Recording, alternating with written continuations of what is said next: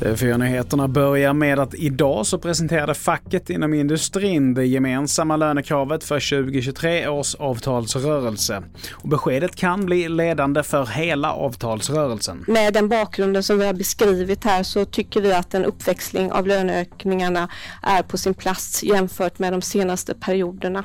Då har vi landat i löneökningar med 4,4 procent.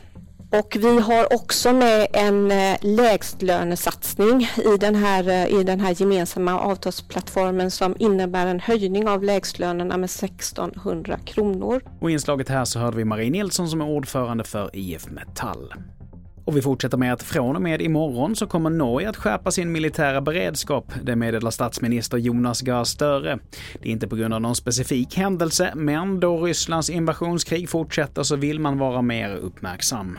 Och till sist, den förrymda kungskobran Sauvage har ju nu återvänt till sitt terrarium. Och man har gått igenom alla terrarier nu för att undvika att något sånt här inträffar igen. Och enligt akvariet ska risken för det vara väldigt låg.